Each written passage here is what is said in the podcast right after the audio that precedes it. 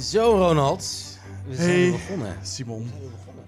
Ja, ik ben blij dat we weer eh, tegenover elkaar zitten. Maar dat zegt volgens mij ook elke Dat keer. zeggen we eh, iedere keer. We kunnen dit copy-pasten naar iedere eh, aflevering. Ja. Maar het mooie is dat wij nog een allerlaatste aflevering hebben kunnen persen uit deze locatie. Ja, ik ben wel blij hoor. Dat we even één keer in Dort, in dat prachtige huis aan de, aan de haven hier zo, aan het Ja. Groothoofd. Ja, nee, dat, eh, het was nog beschikbaar voor één laatste, Ja? allerlaatste. En Is daarna... dit, is dit dan echt de allerlaatste Dit is keer? de allerlaatste, want je ziet dat de bibliotheek inmiddels ja, leeg is. Ja. Ja, het, is, het, het, het houdt nu dan toch echt op. Dus we moeten echt op zoek naar een andere locatie. Maar de podcast gaat wel door. We gaan door. Yes. We gaan door. Hoppatee. We gaan door. Ik hoorde mensen thuis eh, Ja. juichen. En Oh, trouwens, heerlijk, even gesproken over de mensen thuis. Ja. thuis. Eh, even een dankje voor de fans. Ja, Toch? Dat dankjewel. mag best wel eens een keer gezegd worden. Ja, want we hebben eh, best wel wat leuke reacties gekregen hè? over uh, Potpourri Live. Potpourri Live. Mensen vragen zich af wanneer kunnen de VIP-tickets eh, besteld worden voor het VIP-deck. Ja, En ik kreeg ook nog de vraag, is er een adres waar de brieven naartoe kunnen? zeker.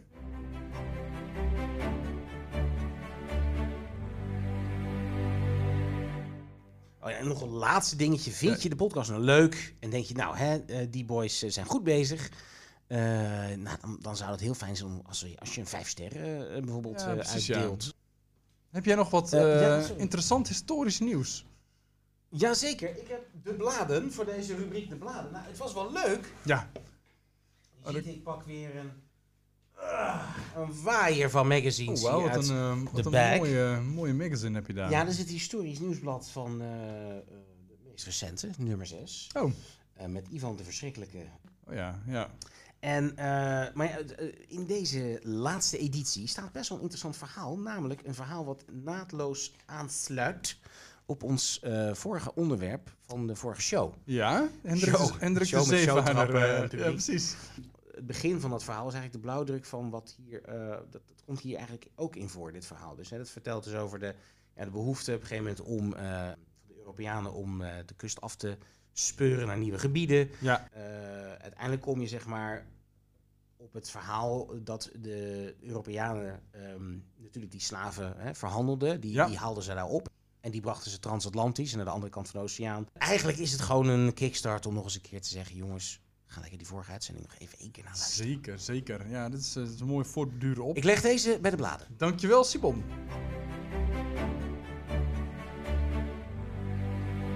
De vorige keer kregen wij van Jan een opdracht mee, Simon. Ja. En de opdracht luidde...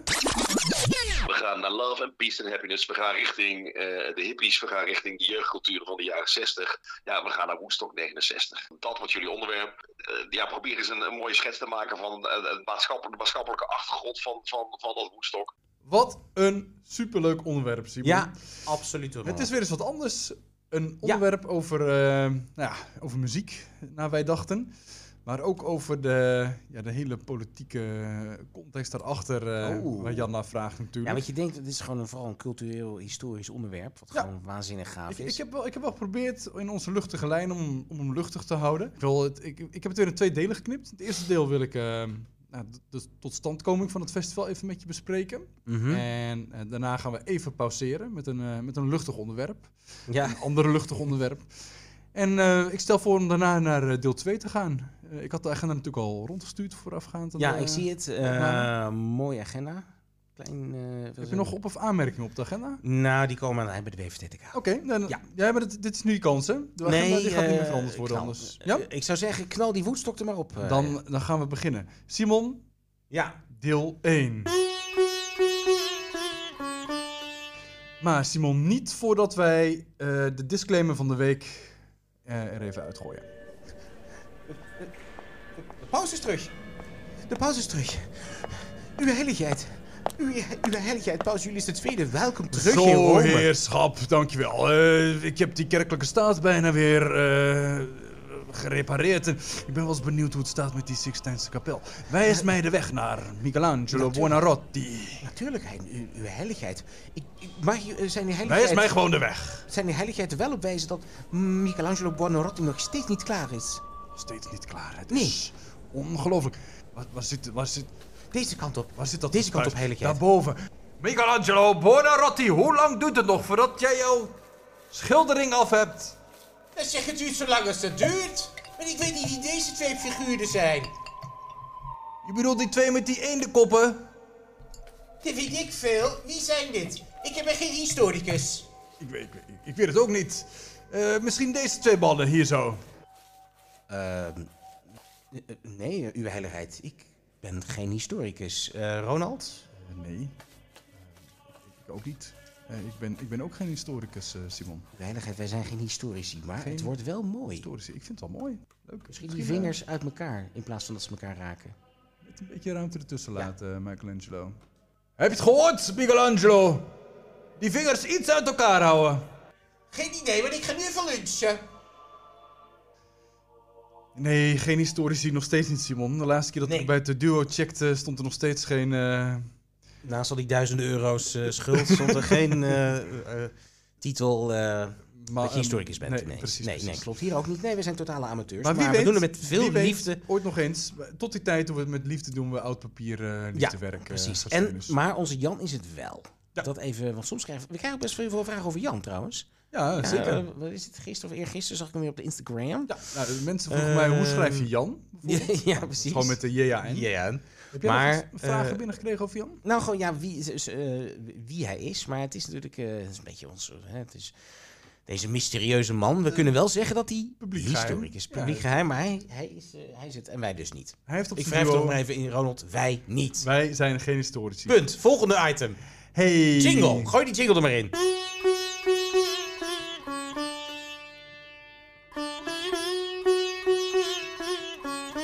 Simon, kijk me eens in mijn ogen. We gaan het hebben over Woodstock. Je kent Ja. het waarschijnlijk gewoon al best wel goed.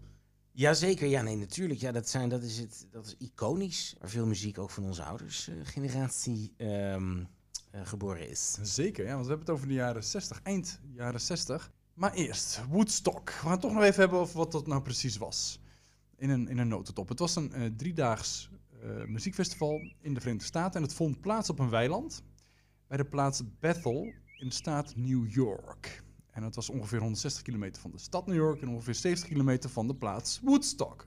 Nou, dat dorp Woodstock, dat eh, Ja. was in de jaren 60 van de vorige eeuw een centrum van de hippie-cultuur. En die hippie-cultuur, ik ga het toch maar even uitleggen voor de mensen die het niet weten, ook wel de flower power cultuur. Eh, die stond, eh, dan zeg ik het even gechargeerd, voor vrije liefde, eh, voor gelijkheid en voor vrede. Mhm. En was een zogenaamde jeugd- of tegencultuur in de jaren 60. Eh, in de tweede helft van de jaren 60 eh, kwam die cultuur op en ze richtte zich eh, onder andere tegen oorlog, geweld en materialisme. Nou, waar we de hippiecultuur eh, best wel van kennen, en dat is eh, echt zo'n zo'n stereotyp beeld. Maar volgens mij raakt het best wel, eh, best wel de, de waarheid ook. Ik was er jammer genoeg niet bij, ik had het best wel mee willen maken. Ja, man, dit was geweldig. Ja, ja, ja. En dat was, dat was het interesse van de hippies eh, met experimente- experimenteren met drugs en oosterse mystiek en spiri- spiritualiteit. En daarbij was de expressie door middel van muziek heel erg belangrijk. Precies, door die muziek kwam dat naar buiten. Kon dat een uiting krijgen. Ja, ja dat was Ja, echt een. eh, dus dat, dat vrije gedachtegoed. Ja, dat komt op die manier naar buiten. Hey, we hebben het de vorige keer al even gehad eh, in de vorige eh, Ja. aflevering over eh, Over de. Bed In. Met, ja, Ja. We hadden het over de Bed In met John Lennon en Yoko Ono. Die ook Hans in hetzelfde Boskamp. jaar, in 1969, Ja? werd georganiseerd door Hans Boskamp. Ja, nog één keer wat... Echt, wij houden, wij houden wel van Hans. Ja, zeker. maar dat is even... Sorry, ja, oké. Nee, Zeker. maar 9 69, hetzelfde jaar. Ja, in het Amsterdamse Hilton. En luister ook, nogmaals, luister ook die vorige, vorige Nou, aflevering. echt, we hebben zoveel geplukt. Ja, we zijn eh goede reclame aan het maken voor onszelf. Geef zij En eh, tijdens die bed in stond bijvoorbeeld het, eh, ontstond het nummer Give Peace a Chance. Echt zo'n lekker flower power nummer. Hè? Dus Ja. vrede en, eh, en geluk. Ja, precies. Nou, nu even terug naar die plaats Woodstock in de staat New York in het jaar 1969. Mhm. Daar plande een organisatie van vier mannen. Die eh plande daar de zogenaamde Woodstock Music and Art Fair. Die volgens eh, de aankondigingsposters drie dagen, van 15 tot en met 17 augustus van het jaar, zou duren. En Oh in ja. het teken zou staan van vrede en muziek. Dat is echt een rode lijn. Die komt Toen al de driedaagse festival, wat je nu standaard hebt inderdaad. Ja. Als je een festival hebt, dan... Drie nou, dagen. Drie dagen met, met, eh, ja, precies, met, met de camping. Yes. En twee van die vier eh, organisatoren, dat waren eh, Joel Rosenman en John P. Roberts, die bouwden in die tijd aan een opnamestudio in eh, Manhattan. Oh ja. Het was Media Sound. En via hun advocaat kwamen ze in contact met andere, de twee andere mannen. Dat waren Artie Kornveld en Michael Lang. om te praten over de financiering van een eh, soortgelijke studio... die die laatste twee eh, in Woodstock, in het plaatsje Woodstock, wilden gaan bouwen. Dus twee duo's die allebei afzonderlijk van elkaar een studio wilden eh, Ja, realiseren. Eentje wa- was bezig met net en de ander wilde in Woodstock dus een studio Ah, ja, oké. En wilden ze een beetje kijken of, ze, of die, die man, die gast uit Manhattan, mee konden draaien in de financiering. Ja, precies. Oké. Ze gingen met elkaar in gesprek en Roseman en Roberts, de Manhattan Guys, die eh, vonden de studio in, Wood, ja. die vonden de studio in, in Woodstock eh, uiteindelijk geen goed idee, maar stelden voor om er een concert te houden met eh, artiesten die die regio al vaker aandeden. Ja hoor, die staat erop, Jeffrey, dank je. Lekkere sound trouwens. Hey, take five. Hey man, weet je, de studio is echt een goed idee. Maar het studio in Woodstock, met al die, met al die hippies. Nee, come on man, dit is geen goed idee. Je weet je wat jij moet doen? Je moet je muziek maken. Zonder studio gewoon muziek maken. Gewoon muziek maken. Je moet gewoon lekker muziek maken hier. Laat de studio maar Studio rondzoven. Woodstock, nee, oké. Nee. Hmm. Is er wat te drinken hier of zo? Ja, die vier mannen gaan uiteindelijk met elkaar in zee en Ja? organiseren het driedaagse festival. En een maand voorafgaand aan het festival kregen ze te horen dat de vergunningen niet afgegeven konden worden. Oh man. Oké. Mhm. En daarna gingen ze op zoek in de verschillende plaatsen in de buurt, in de staat New York, naar eh geschikte locatie. Maar telkens was de lokale bevolking of de lokale autoriteiten die, eh, Dat is het niet mee eens. die verzetten zich tegen het idee dat, eh, dat hun dorp mogelijk door duizenden hippies overstroomd eh, zou Maar het was dus worden. al wel duidelijk, dit wordt een hippieconcert. Of Ja, een hippie festival, ja, zeg maar. Ja, zeker. want ze wilden het in Woodstock organiseren en Woodstock stond was toen al natuurlijk het bekend als centrum van... Ja, precies. Oké, dus dat, eh, ja, ja, ja, ja. dat hadden ze wel eh, in de smies inderdaad. Nou, de Woodstock Muziek- en Kunstmarkt, de Music and Art Fair, werd die afgelast? Nee, hij ging door. Maar uiteindelijk werd hij verplaatst naar het dorp Bethel. Dat lag eh, 70 kilometer verder op, eh, vanaf eh, Woodstock. En daar was een eh, melkveehouder, die heette Max Yesgool. Mhm. En eh, die stemde in met het gebruik van zijn land eh, ten behoeve van het festival. En dat had een beetje een amfitheaterachtige vorm. Een soort Oh, ja, ja, erin. ja, dat, dat weet je nog wel van die beelden inderdaad. van die, Van- ja, precies. Dat het inderdaad een beetje zo'n soort kuip is waar je dan... En eh, onderin die kuip, daar, En eh, daar onderin zit dat... een, eh, was, dat was het podium. was volgens mij maar één podium. eh, ja. Wel top. ja, niet mee, je hebt main stage en niet nog andere stages. Nee. Dit was gewoon... Dit was maar één stage. Dat was gewoon eh, de stage. Bravo. de Bravo. eh, God. Nou, eh, eh, eh, ook in, eh, in Bethel eh, leek even de vergunningenverlening fout te gaan. Maar uiteindelijk eh, ging het daar wel goed. En eh, we have a go. Nou, omdat de vergunning pas later werd afgegeven, dat was wel eh, een nadeel. Was Ja. het lastig om echt een goede voorbereiding te treffen voor het festival. En het festival goed in te richten. En, eh, nou, we hebben het over augustus, hè, dat het festival zijn plaatsvinden. eh Ja. Halverwege augustus. Maar in april werden al, van het jaar, van 69, werden al de eerste bands eh, geboekt. En eh, de data van het festival waren ook al bekendgemaakt. Dus dat was wel een... eh, Dat is wel bijzonder. ja, Ja, dat was wel tof dat ze, dat Ja. ze die grote broek aantrokken. Precies. Ze hadden dus wat weinig tijd. Ze moesten even aan de bak. Ja, ze moesten aan de bak. Nou, de eerste band die ze in april dus eh, die tekenen was, was, was, de, was een topband. was eh Creedence Clearwater Revival. En doordat zij zich aanmelden, was het ook reden voor andere grote bands en artiesten om zich Ja, ook aan te melden. Dus een beetje het sneeuwbal. De Creedence. effect. Ja, Heerlijk. de line-up was echt, was echt wel vet. Was echt wel Ja. Aantrekkelijk. Ehm, en het mooie was, we gaan nu eh, echt naar het, eh, naar het festival toe al een beetje. Ja? We zitten eh, een paar dagen voor het, voor het festival. En voordat het hoofdpodium, het enige podium ook, gereed was... Ja. de hadden zich al mainstage. 50.000 mensen verzameld. Want die waren er al. ja, bij, bij het Voordat het hele ding er was. Dus er zaten mensen nog gewoon aan het timmeren en te lassen. En er zaten al 50.000 festivalgangers dat gewoon te wachten. Dat is fantastisch. Er is nog niks. Nee, Dit is fantastisch. kijk hoe die hamer hanteert. Het is echt top. Man, dat redt me. Geheim uit mijn plaat, man.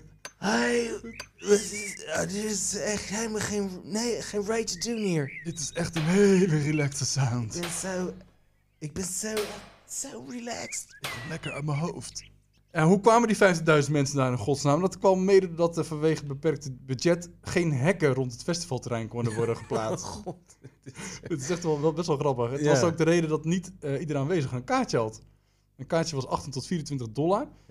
Het was eigenlijk een Nou. komen en gaan van festivalgangers. eh, met en zonder kaartje. Je kon het gaan aanwaaien als je zin hebt. Het was Eh, geen probleem, want het was gewoon geen hek. Dus je kon gewoon echt naar het podium toe. Maar dan sta je in dus komen. met je kaartje en dan komen er 4000 andere Ja, hippies, zeg maar. wat eigenlijk wel fantastisch ja, is. dat is geweldig. Ja, Ja, ja. Oké.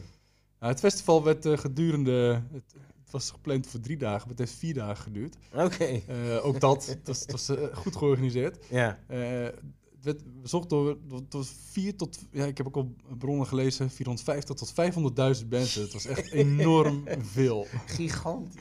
Rondom het dorp Bethel was het echt een chaos van files en bezoekers. Ja. En een van de organisatoren, dat was eh, John P. Roberts, die moest eh, de gouverneur van de staat New York er zelfs nog van overtuigen om niet 10.000 manschappen van de Nee. National Guards te gaan sturen om de orde Ja? te gaan handhaven daar. Ja, dat is uiteindelijk niet gebeurd. Nou, dit was al een, eh, een stevige aanzet even naar het festival zelf, Simon. Ja. En straks, na onze lichte break, gaan we meer hebben over de context van de jaren 60 en de effecten en de significantie van het Woodstock Festival. Nou, geweldig, Ronald. Maar in- wat een... eh, dus de organisatie... Ja, die gasten moesten gewoon heel snel eh alle zeilen bijzetten. Ja. En ja, dan heb je geen hekken. Dan Ja. staat het er nog. En ze Dan staat het eh, mainstage nog niet, terwijl al die mensen aankomen zetten. Ze zagen echt een eh, enorm verlies op zich afkomen. Daar gaan we het in deel 2 nog even Oké, over hebben. nou, fantastisch. Dat zijn die hozen, die hozen van Nelson. Nelsons hozen. Hozen van Nelson. Oh, lekkere jingle. Ja. Die producer, hebben die al de factuur al betaald? Of Ik weet het niet, maar... even ehm nagaan bij onze boekhouder? Precies. Anyways. Ik heb een Nelson's trousertje voor je. En even voor de luisteraars, eh, die nog niet misschien weten hè, eh, wat, de Nelson's, Nelson's trousers, trousers. voor eh, ehm, eh, rubriek. rubriek is, Is? Ja. Nee, dat is een rubriek eigenlijk genoemd naar de broek van, Lord Nelson. Hè, toen hij stierf, die, die broek die hij aan had. Die broek is ergens te bezichtigen in een museum waar de bloedvlekken nog op zitten. Ja. En dit soort artefacten van historische figuren die zij aan hebben gehad, gebruikt hebben, bij zich hadden tijdens een historische gebeurtenis. Zeker. Daar zijn we heel erg geïnteresseerd in. Want je ziet ze vaak in musea, dan zie je hè, de hoed van die, de tandenborstel van Napoleon. Zeker. En dan Ja. denk je, joh, het is toch fantastisch. Die, die, die, die, die, die items waren erbij op het moment, op een bepaald moment, of gewoon die waren van die persoon. Dus ik vind het een hele leuke rubriek. ik vind, nou, ik vind het serieus. en ik kom rubriek. overal kom ik wel dingetjes tegen eh, Ja. die, die we vast nog een keer gaan Jij kan vandaag nog iets zeggen, we gaan nog niet verklappen wat. En die komt volgende heeft keer. iets met eh, nijlpaarden te maken en de Amerikaanse vrijheidsoorlog. Oh, Nou. oké. Nou, eh, die hou die Cliffhanger. even vast. Cli- Cliffhanger. Ehm, nee, nou goed. En ehm, zo ook nu een item. Nou, eigenlijk heb ik er twee. Twee historische items behorende tot één persoon. Oké, dat mag. Dan gaan we het heel even... En ik dacht, misschien ook even aanleiding om het wat meer te hebben over deze persoon. Althans, eh eh in zijn tijd in Nederland. Want we hebben het over Keizer Wilhelm II. Aha. Hij zou natuurlijk de geschiedenis ingaan als de laatste Duitse keizer, de Ja. keizer, en koning van Pruisen. Hij stond aan het hoofd van het Duitsland wat, wat in de Eerste Wereldoorlog eh, tegen de geallieerden vocht en verslagen is. ja. Ja, ja. Hij was natuurlijk het staatshoofd, hè, de keizer. Nou ja, goed, hè, einde van de Eerste Wereldoorlog, het Duitse Rijk verkeert in grote crisis. Het leger is verslagen, de autoriteiten die verliezen hun greep op de bevolking en de revolutionairen roeren zich. Nou ja, goed, die Duitse keizer die voelt het al aankomen. Hè. Die is eh, ja, bang dat eh, de geallieerden hem gevangen zullen nemen, want hij heeft natuurlijk verloren. Ja, in Duitsland vond hij geen steun meer. Eh, men gaf in Duitsland de schuld van de nederlaag, dus hij wist, oké, ik moet een pleittrek maken. Dus hij wil naar Nederland, want Nederland is neutraal en het recht van asiel ja, stond hoog. Dus daar kon hij terecht, dacht hij. In beginsel als een verrassing van, hé, hey, de Duitse Ja, keizer staat eh, een, in IJsden. Een, een, rijtje wagons, eh dat treinwagons. eh, precies. En daar is dus nog eh, ja, oneenigheid over. Is dat nou wel of niet zo dat, eh, dat de Nederlandse regering en Wilhelmina al wisten van... ja, hij komt eraan. Overigens was zij niet zozeer gecharmeerd daarvan. Eh, ze moest er in principe niks van hebben. Eh, ja, want ze had een grondige hekel aan hem. En ehm, ze heeft hem ook nooit willen ontmoeten in Nederland. Oh, want we- ik, ik ken, ik ken eh, nog een brief van haar naar hem om steun te gaan vragen eh, aan de Duitse keizer. Om, voor, de Boerenoorlog namelijk. Ah, oh, ja? Ja, dan heb je het echt over, eh Begin over van 20 de jaar eerder. hoor. 20e eeuw, ja, Ja. precies. In de, in de vroege ochtend van 10 november 1918 staat hij bij IJsden aan de Nederlandse grens. En hij wacht op toestemming om Nederland binnen te komen. Zij stond uit de ijsbeer. En dat is een hele bekende foto van hem, hè, dat hij daar met zo'n bondkraag op het eh, perron staat. Ja, en toen heeft hij officieel in Nederland asiel aangevraagd in eh, november 8 1918. En hij wordt als eerste opgevangen. De Nederlandse autoriteiten weten dat te regelen, dat hij op kasteel Amerongen kan worden opgevangen. Ah, En dat is bij Graaf Bentink, de- de eigenaar van het kasteel. ik ken ook die ergens van, die graaf Bentink. Nou, zeker. Nou ja, Benting was net als Willem II lid van de Johanniter Orde. En eh, ja, als, als ordebroeder, moet ik, kan ik me zo voorstellen, eh, was het ook misschien wel een soort morele verplichting om dan een medebroeder op te vangen als die om hulp vraagt. Op Boys uh, Brad eigenlijk. eh. Eh, exact. Mhm. En, eh, maar in ieder geval, ehm, nou, de keizer zou eigenlijk maar zes dagen blijven. Uiteindelijk heeft hij daar met zijn familie en veertig lakeien anderhalf jaar lang gezeten. Anderhalf jaar. Ja, en daar betaalde hij, eh, hij had heel veel geld, niets voor. Eh, en om de gasten te kunnen onderhouden, verkochten ja, de kasteeleigenaren van Amerongen stukken grond om een extra geld te komen, om maar Om maar die Duitse keizer om te dat kunnen hele gevolg Dat meen te je kunnen bekostigen. Ja, het kasteel was zo vol dat de kok zelfs eh, in herberg Den Rode Leeuw moest gaan logeren. Nee. Ja, dus maar die gastvrijheid ging heel ver, hè? ja, nee, maar goed. Maar uiteindelijk is hij in 1920 heeft hij een eigen huis gekocht. En dat is Huis Doorn. En dat Wat heeft is hij gekocht, eh, de keizer? Ja, voor 500.000 guldens. En eh, nou ja, daar heeft hij eigenlijk noodgedwongen, want hij was toch een- onder een soort van huisarrest. Hij had ook een soort eh, actieradius die hij mocht hebben van maar 30 kilometer. En heeft hij daar in Huis Doorn, eh, heeft hij 21 jaar van zijn leven gesleten. 20 jaar nog zo. En ja, tot zijn dood Ja. in eh 41. Het, ja, je kan hier uiteraard afleveringen vol aanwijden aan deze man en het, het hele, avond, ja, het, het hele dat verblijf heeft in eh, Nederland. Boudewijn Buug ook gedaan, hè? Dat die mag een van die, zeggen. van die helmen op zijn er, er zijn twee geweldige afleveringen die je zo van YouTube kunt plukken. Dat is die van Boudewijn Buug in Huis Doorn. En En van Maarten van Joh, Rossum. echt? Ja. Onze, ja, onze andere held. wij, ja. onze held qua vertellen van dit soort verhalen. Ja. Die is daar ook geweest. En die heeft ook deze trade trousers momenten. Namelijk deze twee items waar ik het zo over ga hebben. Ehm, die hebben zij natuurlijk ook gezien. Voor de Eh, draad Simon. voor de draad we Nou, goed. Dus hij moest, eh, nou ja, hij had een hele hoop spullen bij zich. Want hij was nogal een eh, verzamelaar, verzot op barokke kunst van zijn voorvaderen, zoals Frederik de Grote. En hij was daar met van alles bezig. Hè? En eh, ja, had daar een park, bos, een rozentuin laten aanleggen. En Dat zijn hondjes, weet ik nog heel goed. dat zijn honden. En wat hij daar heeft gedaan, hij heeft er in Amerong heeft hij in korte tijd 13.000 bomen omgezaagd. Want hij, die man moest wat doen daar. Ja, hij had als een hobby eh, bomen omhakken. Bomen hakken. Er zijn er filmpjes van Ja. dat je hem ziet eh, hakken. En Ja. dat is dan uiteraard zo'n versneld beeld van toen. Zo, trrrt, en dan gaat hij zo door zo'n boompje heen. Of er zijn twee voorwerpen in dat museum die gewoon altijd, eh, ja, dat zijn misschien, of die zijn daar wereldberoemd in de Huisdoorn. En dat Mhm. is één, een zadelstoel. Oh ja, ja, ja. Er is namelijk op de bovenverdieping, in zeg maar de privévertrekken van de, van de keizer, nou ja, de ex-keizer zeg maar, daar is in zijn werkkamer, dat is in de Ronde Toren, daar is een paardenzadel dat als bureaustoel diende. Dus je hebt eigenlijk een soort houten onderstel en daarop is een, gewoon een zadel wat je normaal voor een paard zou eh, een soort leggen. voor de keizer. Ja, daar zou hij dus op zitten. En eh, ja, het was ook zo het idee van de beste, over, of de beste beslissingen nemen, eh, worden in het zadel genomen. Eh, dus wanneer je in het zadel Ja. zit, normaal zat je natuurlijk ergens een, op je paard in een landgoed of ergens over een slagveld. Was je aan het, Ja, precies. Ja, Aan het hobbelen en eh, dan- ad hoc heel en dan moest je snel een beslissing nemen. in het zadel. En dat deed hij dus ook, maar dan van achter zijn bureau op een zadel. Ja, te gek. Stoel. Dus, eh, Mijmerend na al die eh, veldslagen. Ja, nou dat is een geweldig. Dus dat, dat staat daar. Dat is gewoon fascinerend dat die man daar op een zadelstoel heeft gezeten. Zeker. En dan, er is nog een ander uniek object. En dat zit in. op een gegeven moment kom je in de vertrekken waar gegeten werd. Ja. En daar ligt op de plek van waar de keizer normaal zat. Ja. En dat zit ook in het filmpje van Van Buug. Ga dat kijken. En daar ligt eh, naast het bord ligt een eh, zogenaamde Kaisergabel. En dat is een speciaal voor Wilhelm ontworpen vork met een klein mesrandje. Dus het is een mes en vork in één. Ah, Want Ja, ja, ja. ja. Wilhelm had een gehandicapte arm. En hij kon zijn ene arm niet gebruiken. Dus om toch ja, een eh, het diner eh, te kunnen zitten en gewoon te eten eigenlijk, ehm, eh, was er een eh, vork met een mes in één Ja. gemaakt van zilver. En ehm, Daar hebben al die cafetaria's later eh ja, ja, profijt van precies. gehad. eh. Dat is daar ontworpen. En dat is dus aan één zijde een snijrand. Omdat hij die arm niet kon gebruiken, moest hij met die andere arm dus dat compenseren. En daarmee heeft hij dus die gabel eh, eh, speciaal voor hem gemaakt. Kon hij alsnog dineren. Oké, dus, dus de, de trousers van, eh, van deze zijn keer twee zijn dingen. de gabel En een zadelstoel. en de zadelstoel. Ga dit kijken in Huisdoorn. Het is heel leuk om te zien. Absoluut. En volgens mij is de hele garderobe van de keizer Ja. is ook inclusief het korte mouwtje. Ja, want hij was verzot op uniformen. Ja, ja. Dus, eh, maar goed, hij, hij is daar, daar overleden Ik vind en het- begraven in, Ja, eh, in een mausoleum, een mausoleum eh, op dat terrein. Zeker. Ik vind het een hele leuke Nelson Strauss. Ja, dus het is even een stukje ook gewoon over de Keis en Huis Doorn.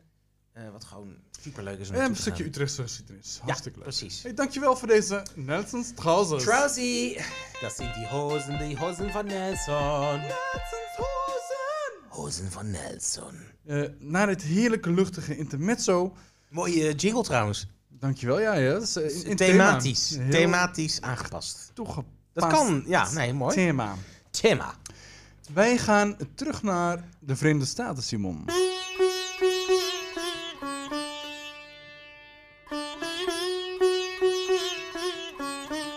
Ja, die cursus sitar die heeft zijn vruchten wel afgeworpen. Zeker, ja. hey, we waren gebleven bij het stukje eh, festival Ja, het festival was begonnen. was begonnen.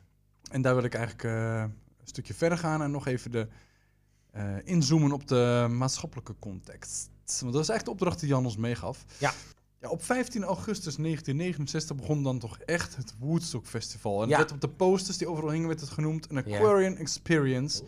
Three Days of Peace Music. Het was echt het, eh, het, het, het, het- de era of the Aquarius, hè? The Age of Aquarius. Age of Aquarius. Ja, dat wordt volgens mij ook nog een... eh, Musical Hair Aquarius. Nou, het zit Ja. ook in. Het is een, een belangrijk thema. En de openingsact was eh, Richie Havens. mhm. En eh, we hadden net al in het eerste over de chaos eh, van de van Ja, het ja, festival. Richie Havens die verving de, de, de openingsact. Want die, was, was, de openingsact was eh, Sweetwater. Ja? Die was onderweg naar het festivalterrein eh, eh, opgehouden door de politie. Oké. Waarschijnlijk in de chaos en drukte naar het terrein toe. Ja, precies. En na de openingsact ehm, werd het festival officieel geopend door Swami Satchidananda. En hij was een yoga-guru uit India. En hij hield een speech over muziek en vrede. Daar wil ik een stukje uit voordragen. Om maar even de toon te zetten van het Woodstock Festival. Ja, helemaal goed. Mijn geliefde broeders en zusters. Ik ben overweldigd door vreugde om de hele jeugd van Amerika je samen te zien in naam van de schone kunst van muziek. Door de muziek kunnen we zelfs wonderen verrichten. Muziek is een hemels geluid. En het is het geluid dat het hele universum bestuurt. Geluidsenergie, geluidskracht is veel, veel groter dan enige andere kracht in deze wereld. En ik zou graag willen dat jullie allemaal onthouden dat we met geluid kunnen bouwen en tegelijkertijd breken. Zelfs in oorlogsgebieden wordt geluid gebruikt om het tere hart van een dier te genezen. Ja, dit is de liefde- spirituele start van het hele festival. Absoluut, Die absoluut. het soort van... Een hele samenbrengt, ja. Er er wordt niet voor niks wordt het festival op deze manier gestart. Ja. Nou, we zouden natuurlijk uren kunnen praten, Simon, over alle 32 optredens die gedurende de vier dagen geweldig. op het geweldig. podium stonden. Op, En waar Jan Zeker. natuurlijk ook eh, zeer groot eh, fan van is. Ja, hè, zijn oom heeft hem eh, die documentaire laten zien. En wij gaan eigenlijk eh, nu in deel 2 vooral praten over de, over de achtergronden van het festival. Want de boodschap van het bewerkstelligen van vrede was eh, heel belangrijk tijdens het festival. Nou, de Swami begon daar natuurlijk al mee. En zoals gezegd was Woodstock een festival waar veel hippies aanwezig waren. En deze tegencultuur, en voornamelijk jeugdcultuur, hing eh, die boodschap eh, stevig aan. En vanaf het begin van de jaren 60, ongeveer tien jaar eh, voor, voor het festival, stuurde president eh, Kennedy en daarna Johnson eh, meer en meer troepen om te vechten in Vietnam. Mhm. De Vietnamoorlog is een van de belangrijkste proxyoorlogen die de Amerikanen voerden. En de Amerikanen zetten steeds meer verschrikkelijke wapens in, waaronder eh, bekende Agent Orange en Orange Napalm. Ja, precies. Naar schatting tussen de anderhalf en 4 miljoen burgers in Indochina zijn daarbij gedood. En ook 60.000 Amerikaanse soldaten sneuvelden. Nou, vanwege die verschrikkingen daar, maar ook vanwege de negatieve economische weerslag die in Amerika steeds meer voelbaar werd, ontstond er in de Verenigde Staten en over de gehele wereld eigenlijk, ontstonden er protesten tegen de Amerikaanse aanwezigheid in, in Indochina, in Vietnam. En ook Woodstock was een protest tegen deze oorlog. Ja, precies. En de jongeren die er waren, de hippies die het festival bezochten, waren fel tegen die oorlog. Ja. En het festival gaf die eh, aanwezigen een hele sterke stem. En zeker voor de jeugdcultuur was dit een totaal nieuwe ontwikkeling. Eh, ze konden zich voor het eerst hoorbaar maken in de maatschappij. En eigenlijk over de hele wereld. De oorlog in Vietnam was het belangrijkste waar de tegenbeweging eh, zich tegen, tegen uitsprak. Maar er waren meer maatschappelijke problemen in de tijd waar tegen geprotesteerd werd. Belangrijk was bijvoorbeeld dat ze protesteerden voor gelijke rechten voor mannen en vrouwen. En dat ze protesteerden tegen, tegen de apartheid, de, de segregatie in Mhm. Amerika. En voor de vrijheid van meningsuiting, want het was meningsuiting, want het was in de jaren 60 die werd, werd steeds meer op ingeboet. Ook vroeg men aandacht voor de soldaten die terugkwamen uit de oorlog en te maken kregen met, eh, met psychische klachten. Dus dit festival staat eigenlijk op een soort van kruispunt van allerlei ontwikkelingen in de maatschappij. Zeker, ja. ja. Van, van oorlog, van afzetten tegen inderdaad de, de andere generatie. Ja, Eh, dus met, met een eh, idealistisch eh, idee, eh, dat je toch, toch eh, ondanks een ter- hele, hele sterke hoofdstroom in de Verenigde Staten, hè, die dan voor de oorlog was, Ja. dat je jezelf echt hoorbaar kon maken en ook wat kon betekenen, echt, echt een goede tegenbeweging kon zijn. Mhm. Ja, de muziek die droeg daar stevig aan bij. Eh, en artiesten als Bob Dylan, Jimi Hendrix en Jefferson Airplane, die stonden ook voor de zaak eh, van de tegencultuur, dus voor eh, vrede en vrijheid. En zij vormden een hele belangrijke en populaire spreekbuis. Ik heb nog een fun fact. Fun fact. Van al die memorabele, iconische optredens die daar hebben plaatsgevonden. Ja, ja, op dat ene podium. Was er eentje ook van Jimi Hendrix. Ja. En Jimi Hendrix, zijn optreden heeft eh, ja, nog voor wel wat reuring gezorgd. Uh-huh. Want nee, de Vietnamoorlog was in volle gang. Nou, eh, er gebeurde natuurlijk van alles in die maatschappij, eh, wat je net al schetste. Ja. De Creedence had zelf ook een nummer van Have You Ever Seen the Rain? Ja. Bad Moon Rising. Ehm, dat waren natuurlijk ook nummers eh, met een sterk protest eh, Zeker. eh, element. En Jefferson Airplane was ook echt natuurlijk heel erg sterk tegen die oorlog gekant. Precies. En, en eh, Hendrix heeft eh, eigenlijk ook op zijn manier een soort van protest, maar ni- niet zozeer in woorden, maar in muziek, Ja. eh, ehm, eh, ja, ten tonele gebracht tijdens eh Woodstock. En wat dat deed hij door het Amerikaanse volkslied op een zeer onorthodoxe manier te spelen. Dus hij zong er niet bij, de Star Spangled Banner. Maar als je goed luistert, dan, dan, dan komen daar een soort van geluiden. Dat maakte hij zeg maar, door een soort overdrive op zijn gitaar te ja, zetten. ja. Van bommen, vliegtuigen, raketten. Dus dat kwam er daar mitrailleurs, voor. Die, eh, die, die, die brengt erin terug in zijn gitaarspel. Ja, precies. eh, Dus dan lijkt het alsof hij het eh, volkslied zingt, maar dat gelardeerd wordt natuurlijk met allerlei oorlogsgeluiden van ja, een land op dat moment in oorlog is. Ja. En allerlei jonge mensen naar het slagveld stuurt.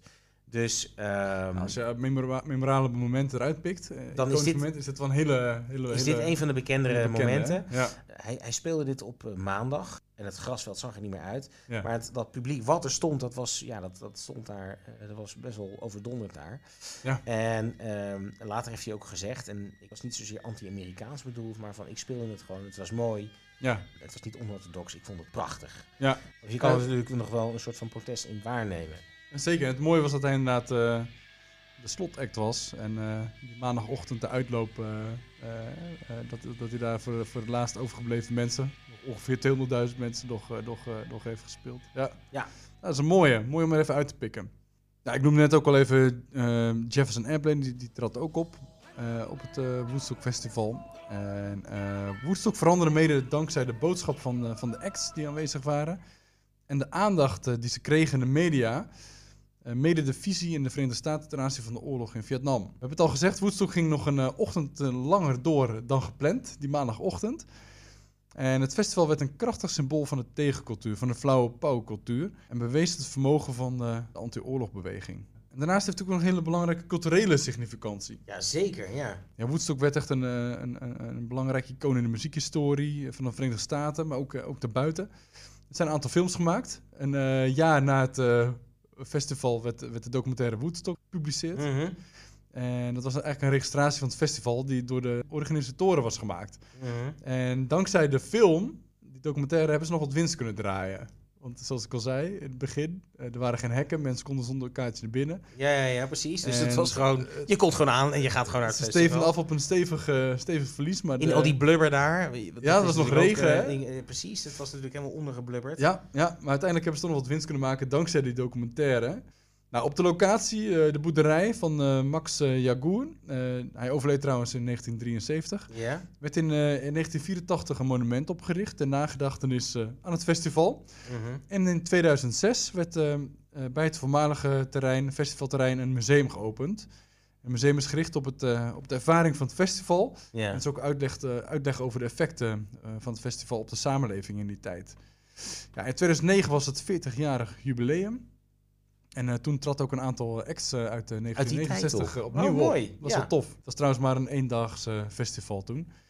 En verder zijn natuurlijk onwijs veel boeken en eh eh, Ja, popmuziek. natuurlijk- Heel veel referenties in de popmuziek naar dat Woodstock eh, festival. En het is echt de, de, de, de, de muziek van een generatie die daar allemaal gewoon op dat toneel eh stonden. Janis Joplin, noem maar op. eh, en ze stonden daar. Het is een beetje jammer dat we de muziek niet kunnen laten horen. Maar misschien moet je gewoon even op, eh, op, op, op, op je favoriete podcast eh, app gewoon eens even een goede speellijst van Woodstock 69 eh, beluisteren. Die, die zijn er. Dus dan luister je naar eh Shanana.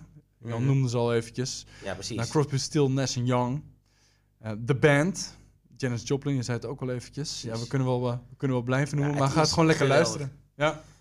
Nee, er waren in totaal maar ehm 12 spotlights. Hè, waarbij nu eh, tegenwoordig, nou ja, weet ik veel, hoe, hoeveel honderden lichten er in zo'n, eh, op zo'n... Er stonden twaalf lampjes op het 12 podium lampen. eh, gericht. Ja, precies. Er was geen mogelijkheid om zo'n hele lichtshow op te hangen. ja, Dit ja. was het gewoon. Ander fun fact. Er was, het festival had zijn eigen security team. Ja? Die heette de Police Force. Please. Ja, de police, als in police. En dat waren mensen die kwamen van Hawk Farm. En dat was een soort hele bekende Californische hippie-commune. Ja. dat werd geleid door een clown en vredesactivist Wavy Gravy. En in plaats van dat deze mannen dus inderdaad zoals een normale security Ja, team... handboeien, met knuppels. handboeien of ja. knuppels of stunguns rondliepen... zouden ze, dreigden ze door de mensen met sodawater en met, met eh, taart te... Met prikwater. met prikwater Ja, ja, met ja. taart te begooien. Echt waar? Volledig Oh. in de Woodstock vibe. Oh, top. Ja, dus dat was. Ja, er is ook een eh, prachtige foto van, van de Hawk Farm eh, mensen. Die dus daar Goed, de police force waren. we dus eigen security team. We zullen wat leuke plaatjes even op ons Ja. Instagram eh, zetten. Gram. Simon, tot zover Woodstock 1969. Ja, en dan heb jij nog een hele leuke uitsmijter voor ons. Ik heb nog een kleine uitsmijting. Maar wacht even. Het is eerst tijd voor iets anders. hey, we hebben Jan nog niet gesproken. Anders bellen we hem even. Ronnie? Hé, Jan, ben jij het? Wa- ja, Ronnie, wacht even. Ronnie, wacht even. Ja, de bus rijdt niet weg. Eh, de, ja, wacht. Ja, ja, ja. ja. Ik wil even, even naar een, een stilhoekje. Ja, ik, ik, hoor, ik hoor je nog goed hoor. Ja, hoor je me? Ja. Oh, dat is, eh, ja, dat is, eh, nee, nee, eh, eh, ja. Ik sta op de Jabersplein, gezellig in Utrecht. Oh ja. Mooiste stad van Nederland. Wist je dat? Ja, dat weet ik absoluut. Daar ben ik het helemaal mee eens. Ja, nee, nee, klopt. 900 jaar ook. Heeft, heeft ook die, eh, we hebben afgelopen jaar, of afgelopen weken hebben we dat gevierd. Dus eh, het, het bruisweer van de activiteit. Oh, Dus gezellig. het is, eh, ja, het is heel gezellig. Want ja, we moeten het toch eens even hebben over Hendrik de Zeevaarder. Ja, Dat was, ja, nee, dat was, maar van de andere kant, het was een interessante podcast. Ik heb, ik heb ook smakelijk gelachen om die voetbalmakelaar. ja, Hans Boskamp. Hans Boskamp, wat een fantastisch verhaal ook dan. Dankjewel. We hebben weer een duimpje omhoog, Jan. Ja, dit was een duimpje omhoog. Ja, ik, we hadden afgesproken omdat ik wat kritischer zou zijn. Ja. En dat ik jullie af en toe wat meer schop om kont. Maar dit was gewoon echt een leuke aflevering. Ik heb hier echt van genoten. Ik vond het tof. Dus, Ja, eh, we vonden hem zelf vonden hem ook heel gezellig weer. eh. ja, we zijn, Nu, we zijn nu bezig met, eh, met Woodstock. En dat, ik moet zeggen, ja, dat is ook weer een heel leuk, leuk onderwerp. Maar lekker luchtig ook. En eh, ja. we proberen er ook wat muziek hier en daar in te verwerken. Dus dat wordt weer een ander soort aflevering. Jan, met welk onderwerp ga je ons voor de komende keer verblijden? Nee, ik sta hier op het dat zei ik net al. En, en, en eh, ja, het wordt iets minder luchtig onderwerp dan, eh, dan, dan, dan Woodstock. Ja. Want het wordt nu toch wel eh, redelijk serieus. Want wij, een van de examenvragen van het straatschiffelijk examen van, van, geschiedenis. Ja. eh, dat was, dat, die ging over de, de Bader-Meinhof groepen. Want die Bader-Meinhof groepen, ja, die heeft toch een behoorlijke impact gehad op het eh, sociale leven. En ook hier in, eh, in Utrecht op het Jaarbeursplein. Want er is een flinke shootout geweest tussen de politie en, en, en, en, en een van die leden van die uh, Bader-Meinhof groepen. Eh, of beter bekend als de Grote Armee-fractie. Ja. Dus hij heeft ook nog impact gehad. Die, die, die groep heeft ook nog impact gehad hier in, hier in Utrecht en in Nederland. Gewoon op het Jamersplein. Ja, ja, ja. Ja, dus eh, dat is echt wel, wel, eh, wel interessant. Ehm, ehm, maar wat was die, die, die, die RAF dan? Waar stonden die voor? Ja. Ja, wat, wat, wat voor, wat voor, want het heeft ook weer te maken met de geschiedenis van Duitsland. Ja, waar, waar protesteerden die lui nou tegen? En wie waren daar vooral ja, bij, bij betrokken? En wat voor soort mensen waren dat? Dus met andere woorden, het, het linkt wel enigszins aan Woodstock. Want ja, het heeft ook te maken met de maatschappelijke ontwikkeling van de jaren 60 en de jaren 70 natuurlijk. Ja. En, eh, want het is ook ja, een, een, een protestgroep, voor zover ik eh, weet. Maar ik zou daar toch wel eens wat meer over willen weten. Meer ook omdat ik dan die podcast lekker aan mijn leerlingen kan laten luisteren. En dan zeg ik, hey, luister hier eens naar als je wat meer wil weten over de of Cooper. Of het Rode Armee-fractie. Ah, dat is, Dus dat is een beetje het idee. het mes gaat aan twee kanten snijden, Jan. Ik vind het wel tof om ons eh, daar eens in te gaan eh, verdiepen. Oké Ron, Hey, dan, thanks, eh, hè. dan ga ik, ga ik, ik krijg mijn koffie nu. En dan ga ik even koffie doen. En dan spreken we elkaar volgende keer weer. Jo, oké. Yo Pop, later. Hoi. Volgens mij past het wel een beetje bij jou. Jongen, dit, dit wordt. Dit, eh, ik ga dit omarmen met, eh, Met veel liefde. met veel liefde. Met Helemaal in het thema. Hé, hey, maar dan hebben we nog een uitsmijter. Schat, als je me zoekt, ik ben in de bibliotheek.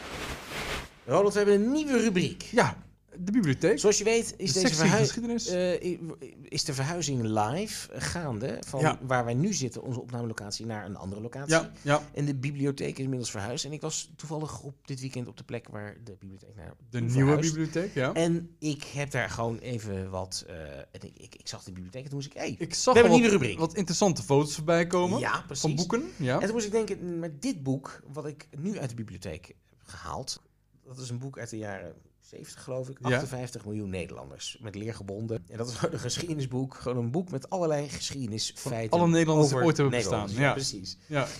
En daarin staat een pagina. En dat gaat eigenlijk over eten en drinken van eh, nou ja, de Nederlanders. Nou, in ieder geval de mensen die deze streken bevolkten. Oké, de Eh, eetgewoontes. de eetgewoontes. Ja, ja. eh, precies. En in dat verhaal, daar is een inzetje. En dat heet van de ene dronkenschap in de andere. En dat is eigenlijk een inzetje wat ehm, vertelt over een, ehm, een Spaanse militair die hier was vanwege de 80-jarige oorlog, Ja. hè, de opstand. Ja. En eh, die, zoals meerdere eh, soldaten en officieren uit die tijd, kronieken schreven, dagboeken schreven, ja, vastlegden wat ze hier zagen. Uit die Spanjaarden, die kwamen hier in, nee, in de Nederlanden. Eh, in allerlei van diverse pluimage. En die schreven gewoon op wat ze hier, hè, waarmee ze Ah, dus geconfronteerd eigenlijk werden in deze uit- gebieden. bericht uit eerste hand heb je. kapitein heet Alonso Vasquez. Zie. Die was hier in het begin van de 80-jarige oorlog. En die het heeft over de drankzucht van de Nederlanders. Over hun ergelijke zonden der dronkenschap. Die was daar gewoon gefascineerd door. Want er zijn natuurlijk meerdere beschrijvingen geweest hè, over ehm, de karakteristieken van de Nederlanders. Ge- gedreven, moedig, nuchter, op geld belust. En naar hun maatstaven drinken bijvoorbeeld de vrouwen ongelooflijk veel. Oh, ja. Ja, maar ze houden in ieder geval hun verstand erbij. Anders dan de mannen. Ze vinden de vrouwen vaak erg mooi, staat er dan eh, geschreven in het artikel. Maar ze lopen eh, hun oordeel niet zo elegant bij en hebben rouwranden onder de nagels. En ze hebben geen tafelmanieren. Oh, wauw. Ja. Ja. Eh, en de mannen, als in gewoon de bevolking, beschouwen zij op zich als vreedzame lieden. Uh-huh. eh, die veel gevoel hebben voor koopmanschap en krijgsbedrijf. Eh, en daar zijn ze, ze staan perplex van de drankzucht van de Nederlanders. Er staat dus dat ze bij het ontbijt drinken ze al licht bier. En de kleintjes, de moeders geven de kleintjes, als ze neerleggen... of dan geven ze een met wijn of bier gevulde houten kale bassen... Ja. in de vorm van een vrouwenborst. En de kinderen die zuigen eraan alsof het een borst is. Oh, Maar er zit dus gewoon wijn in. Echt waar, ja? Ja, ja, Oh, precies. En de rechters die drinken voor, vooral als zij s'morgens een moeilijke zaak krijgen, altijd eerst twee glazen witte wijn. Ik schenk even vier glazen uit als je het niet erg vindt. Hele lastige zaak. En dat is ook zo'n beetje, eh, iemand die niet drinkt noemen zijn verrader. Een vijand des vaderlands. Dat, dat schrijven die Spanjaarden over de Nederlanders. Over andere Nederlanders die niet drinken. Oh, ja, dus- Oké, dus als Ja. je niet meedronk, dan was je een verrader. Ja. Vasquez kijkt iedere keer weer zijn ogen uit als hij een lange, zwalkende sliert dronkenlappen tegenkomt. Ja. Die zich in een soort zwaankleef aan formule collectief staande weet te houden. Dat is allemaal links.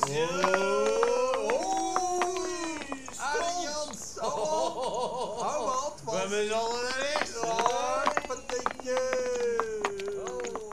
De sliert slingert zich waggelend over de weg, straat in, straat uit, tot iedereen thuis is. Oh, wat, wat, fantastisch. Ja, ja en hij schrijft daar ook nog over. Het is een zeer koddig schouwspel hen zo langs de weg te zien slungelen. Roland, dat was de eerste eh, installment van deze nieuwe rubriek. Ik heb dus een greep uit de, de bibliotheek gehaald. Dit was wat ik opentrok. Simon, eh, deze open- rubriek eh, van jou, eh, van harte welkom in de Popcorn History. Familie. Familie. In de popperie familie. Schat, als je me zoekt, ik ben in de bibliotheek.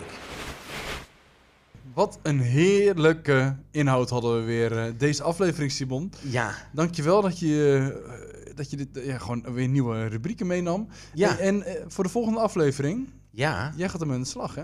Ik ga er eh, de tanden weer in zetten. Ja, ik Zeker. wens je daar heel veel plezier mee. Ja, dankjewel. En we gaan, er, eh, en we gaan het de volgende keer weer met veel plezier over hebben samen. Zeker. Ik kan niet, eh, kan niet wachten. Ronnie- Ik, ben, ik ben benieuwd waar we dan zitten. Dan wordt het gewoon lekker in de zomer en dan, eh, ja, andere locatie. Dankjewel voor, eh, voor je aanwezigheid. Dankjewel, dames en heren.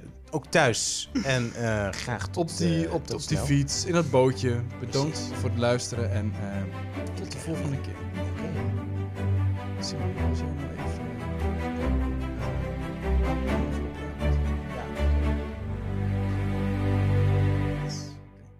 Jij pakt de trein, hè? Zo. Ja. Oké.